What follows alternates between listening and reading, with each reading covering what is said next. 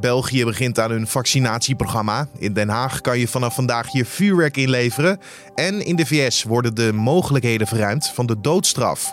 Als een dodelijke injectie niet mogelijk is, kunnen mensen terecht worden gesteld voor een vuurpeloton of worden gedood middels een strop. President Trump is een grote voorstander van de doodstraf en zet in zijn laatste maand haast achter een aantal federale executies. Joe Biden daarentegen is helemaal klaar met de doodstraf en wil er vanaf.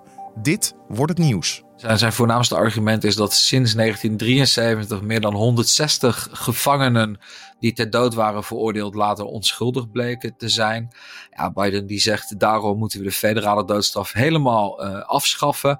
In plaats van de doodstraf moeten mensen gewoon levenslang uh, de gevangenis ingaan zonder kans op vervroegde vrijlating. Maar waarom worden de opties dan nu verruimd? En betekent Bidens presidentschap dan een einde aan deze hoogste straf in de VS? We praten daar straks over met buitenlandverslaggever Matthijs Lelou.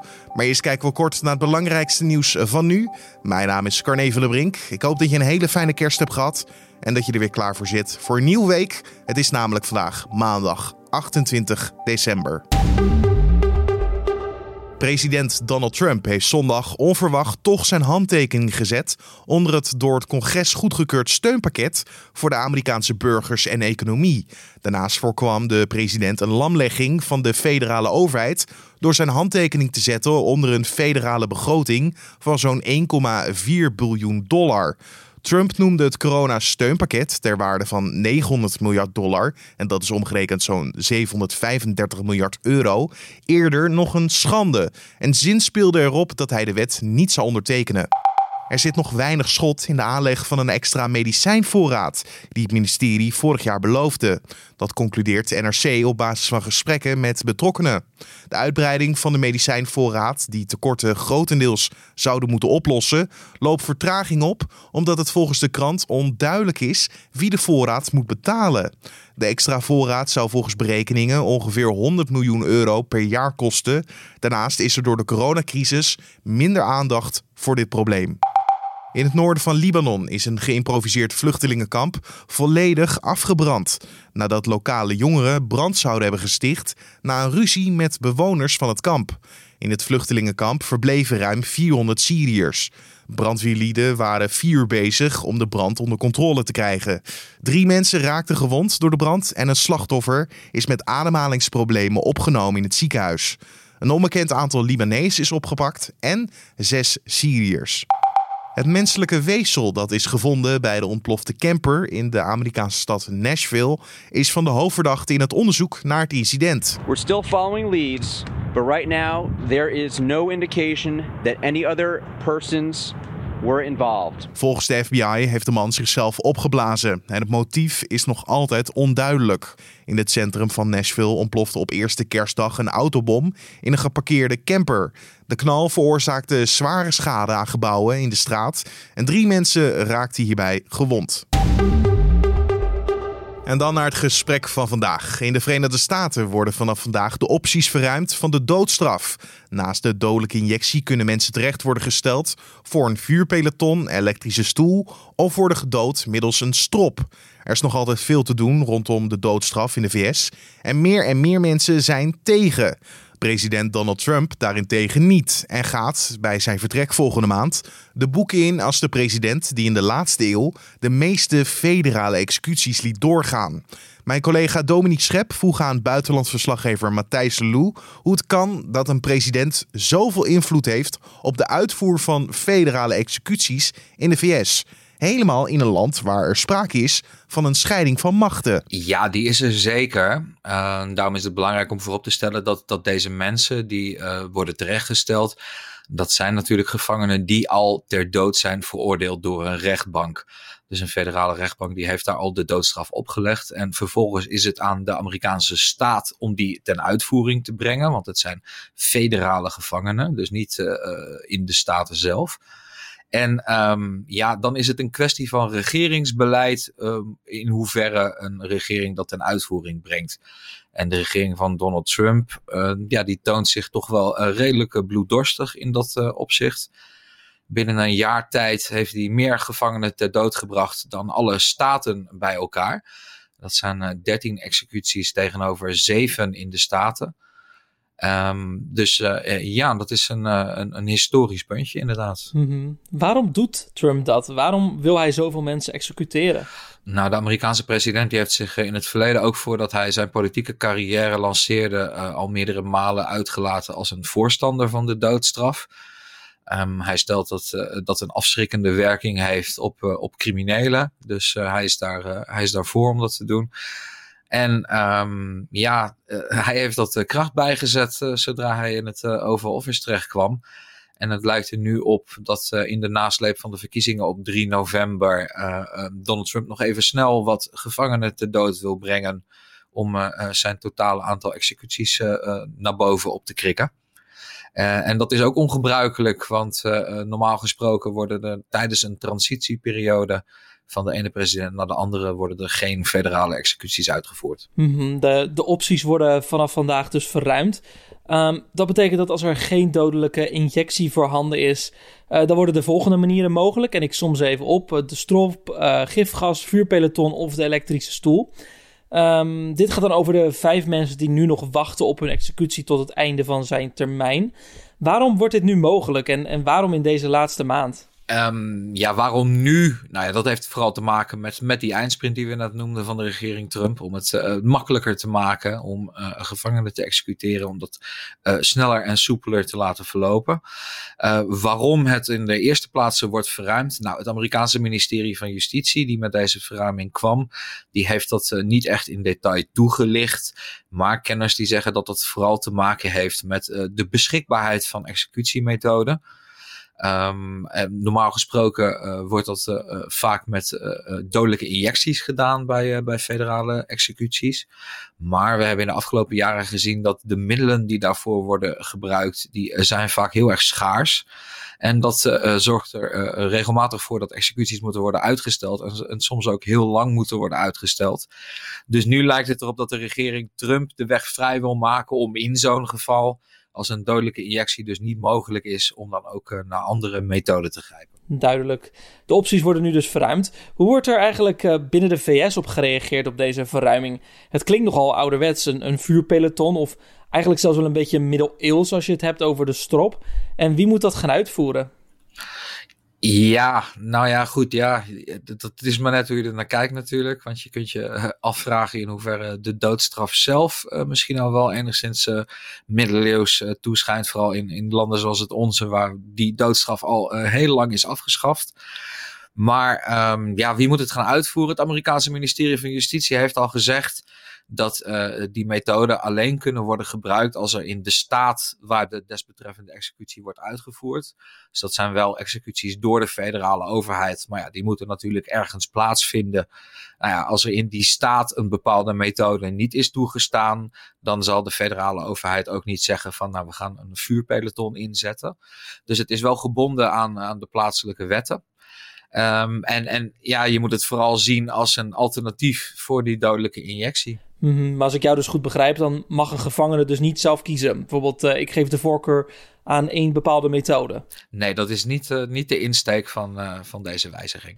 Er zijn dus nog vijf mensen die nog wachten op hun executie in deze laatste maand. Of, of eigenlijk niet eens 23 dagen.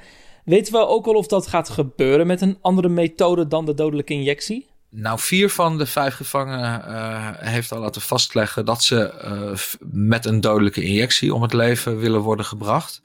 Dus uh, daar is eigenlijk weinig twijfel over. En het lijkt er ook wel op dat de vijfde gevangene voor die methode zal gaan. Dus nee, het lijkt er niet op alsof er op korte termijn een vuurpeloton zal worden ingezet. -hmm. Dan um, gaan we het even hebben over hoe populair de doodstraf eigenlijk nog is onder Amerikanen. Uh, over een maand hebben zij een nieuwe president, Joe Biden. Hoe kijkt hij hier naar eigenlijk? Hij wil hem geloof ik afschaffen, toch? Joe Biden die wil de federale doodstraf zelfs helemaal afschaffen, dat klopt. En uh, hij sluit daarin uh, wel aan bij de Amerikaanse publieke opinie, want is, die is namelijk in recente jaren aardig gedraaid. Uh, in voorgaande decennia waren Amerikanen in meerderheid voorstander van de doodstraf, maar inmiddels is zo'n 60% in de meeste peilingen uh, tegen de doodstraf, geeft de voorkeur aan levenslange gevangenisstraffen. Ehm, de Amerikaanse politiek in het algemeen, ja, die, die hinkt daar eigenlijk nog een beetje achter die wijzigende publieke opinie aan.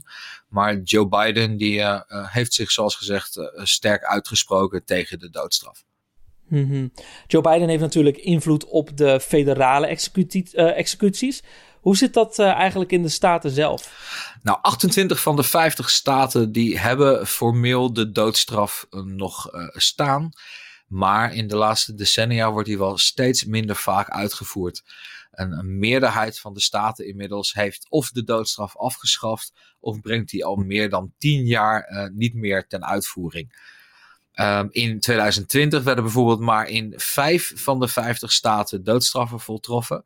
Dat zijn vooral staten in het zuiden van de VS, conservatieve staten, zoals uh, Alabama, Georgia, Missouri, Tennessee en Texas. Uh, de federale doodstraf, ja, die is er ook niet altijd uh, onafgebroken geweest. Want in uh, eh, 1972 werd die afgeschaft nadat het Hoge Rechtshof oordeelde dat de doodstraf ongrondwettig was. Maar het Hoge Rechtshof kwam eind jaren 80, in 1988 om precies te zijn, terug op dat besluit. en stelde destijds dat de federale overheid de doodstraf wel alleen voor een klein aantal misdrijven kon opleggen. dat lijstje dat werd in 1994 flink uitgebreid.